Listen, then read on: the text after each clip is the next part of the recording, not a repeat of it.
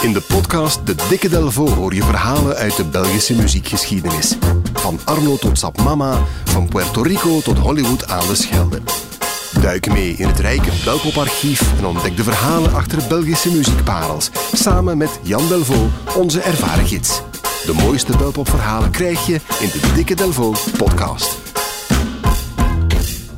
Hey Jan Delvo. Dag Floris. Welk verhaal heb je vandaag meegebracht? Het gaat vandaag over de Neon Judgment uit Leuven. Uh, het is altijd fijn als een referentie binnen een genre waarin jij opereert, als die ook een grote fan van jou blijkt te zijn. Eigenlijk als, eh, dat jouw helden eigenlijk ook een beetje fan zijn uh, van jou. Een van de nummers van de Neon Judgment is dit voorjaar gecoverd door een Duitse groep. Een in Duitsland bekende groep en ook in het, in het genre van de elektronische muziek toch vrij bekende groep. Die groep die heet Die Kroeps en die maakte dit. In your eyes, Chinese black.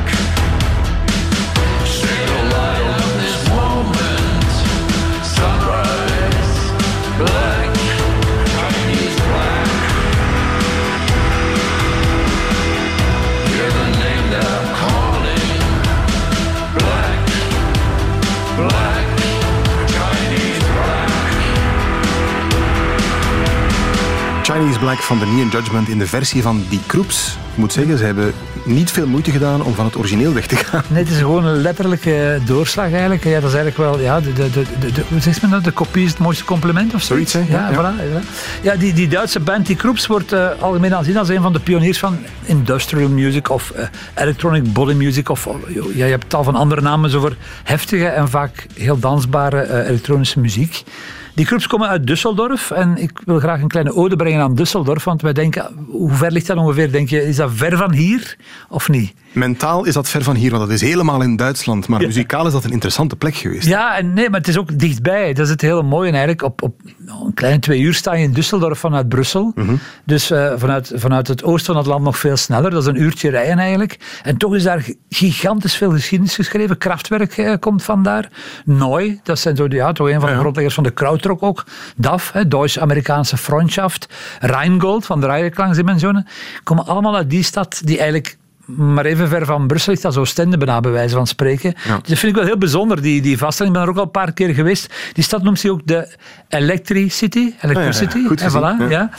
Um, en uh, ja, ze hebben er ook tegenwoordig een, een, een, muzikale tour, The Sound of Düsseldorf. Dan krijg je dus het hele verhaal ook van...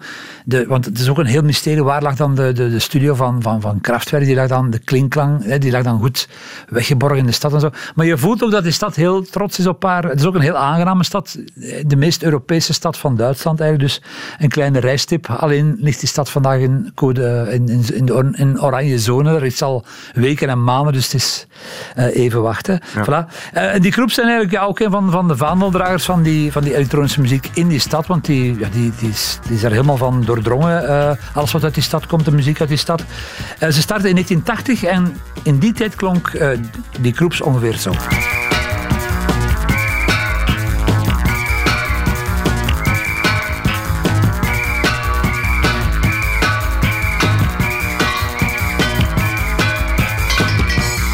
In 1980 waren arbeid, waren loon. Ja, dat klinkt een beetje ja, vakbondsactie. Ja, protestsong inderdaad. Zo. Ja, maar ook zo dat, dat hele stoere uit die, uit die ja, periode eigenlijk. Hè. Uh, muzikaal is een combinatie van synthesizer en percussie, die volgens de geschiedenisboeken althans heeft, tot inspiratie heeft gezien voor een grote naam van bij ons, Front of Fortune. Ja, denk ik, van, de, wat, ja.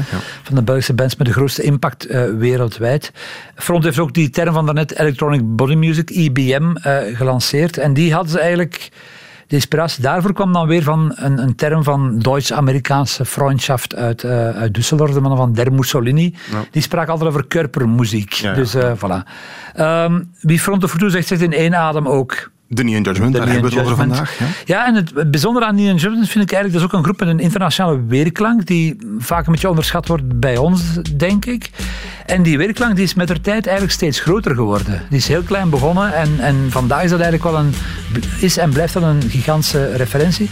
En wel om twee, uh, twee redenen. De eerste reden, ik zeg eenvoudig, zijn de songs. Uh, Neon Judgment heeft een paar nummers die echt wel als classics gelden, uh, waaronder deze bijvoorbeeld.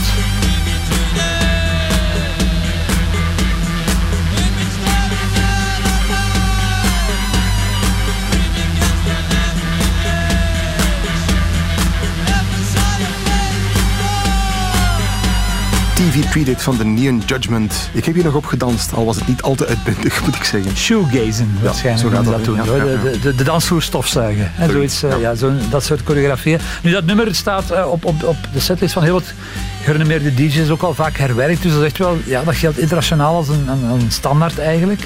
Toen opgenomen met heel simpele drummachines. Dat was nieuw speelgoed, begin van de jaren tachtig.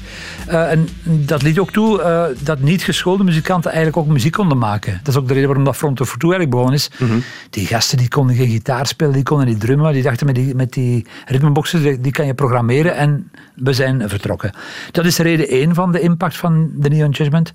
Een tweede reden waarom uh, die groep uh, navolging en respect krijgt, is omdat Frank Vloebergs en Dirk Timmermans, de twee uh, stichtende leden, dat die, die ontregelde beats zijn gaan combineren met songs en met melodie eigenlijk. Eigenlijk hebben ze rockmuziek gekoppeld aan elektronische muziek. Ook qua looks, hè, want ze zagen ja. er heel rock'n'roll uit op het ja, podium. Ja, ja, ja, ja, ja, ja, ja, dus ja, zij waren heel veel geïnspireerd door Suicide, denk ik, een band uit New York uit de jaren 80, met, uit de jaren 70, sorry, met, met Alan Vega heel vreemde muziek, maar dat is ook muziek die bijvoorbeeld Bruce Springsteen heeft aangestoken. Dus, uh, en zij zijn ook zo op die grens tussen rock, rock en elektronica op een bepaald moment.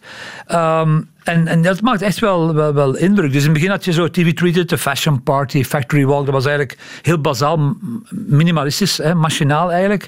En dan komen er dus gitaren bij en leren vesten en aankleding en uh, chique clips eigenlijk. En ja, dat is eigenlijk pionierswerk dat navolging krijgt van een heel pak andere groepen, waaronder... Ja, die groeps. Die groeps. De mannen voilà. van die cover. Voilà. Voilà. Dus eigenlijk bands die de Neon Judgment voorgaan op de tijdslijn, die vroeger begonnen zijn, worden plotseling fans um, van, van, van de groepen die, die, eigenlijk door, die zij mee hebben geïnspireerd. Vanaf het begin van de jaren 90 klinken die groeps namelijk zo. I see houses burning. I'm ashamed.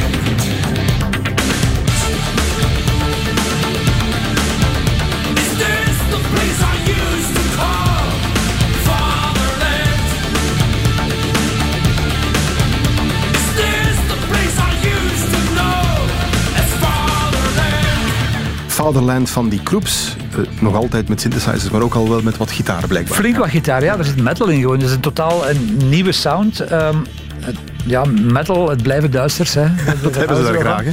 Het is een stroming die trouwens een naam heeft. Uh, de Neue Deutsche Härte. Je had de Neue Deutsche Welle, Welle in het begin ja. van de jaren 80 met uh, veel farben en draaiklangsdimensionen en dat soort dingen van, van Rheingold.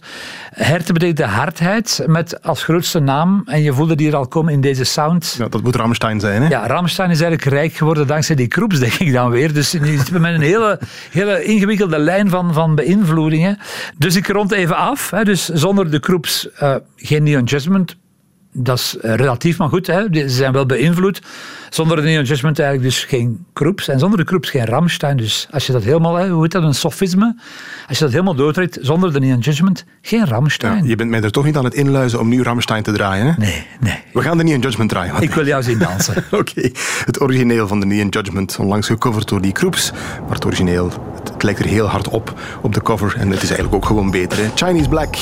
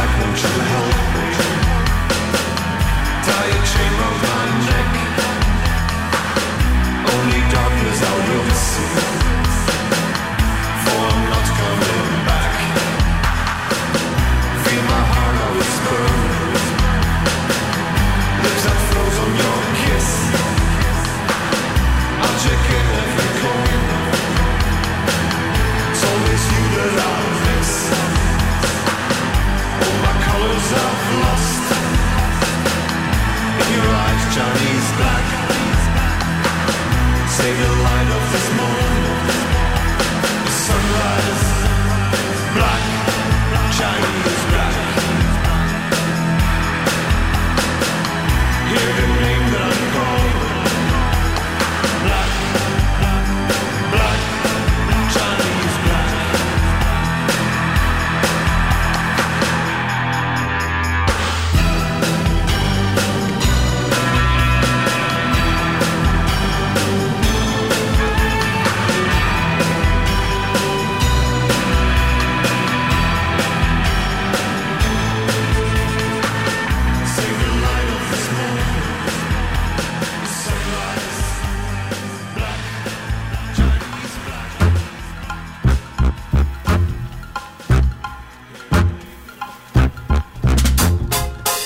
Zeker ook de andere Belpop-verhalen in een volgende aflevering van de Dikke Delvo.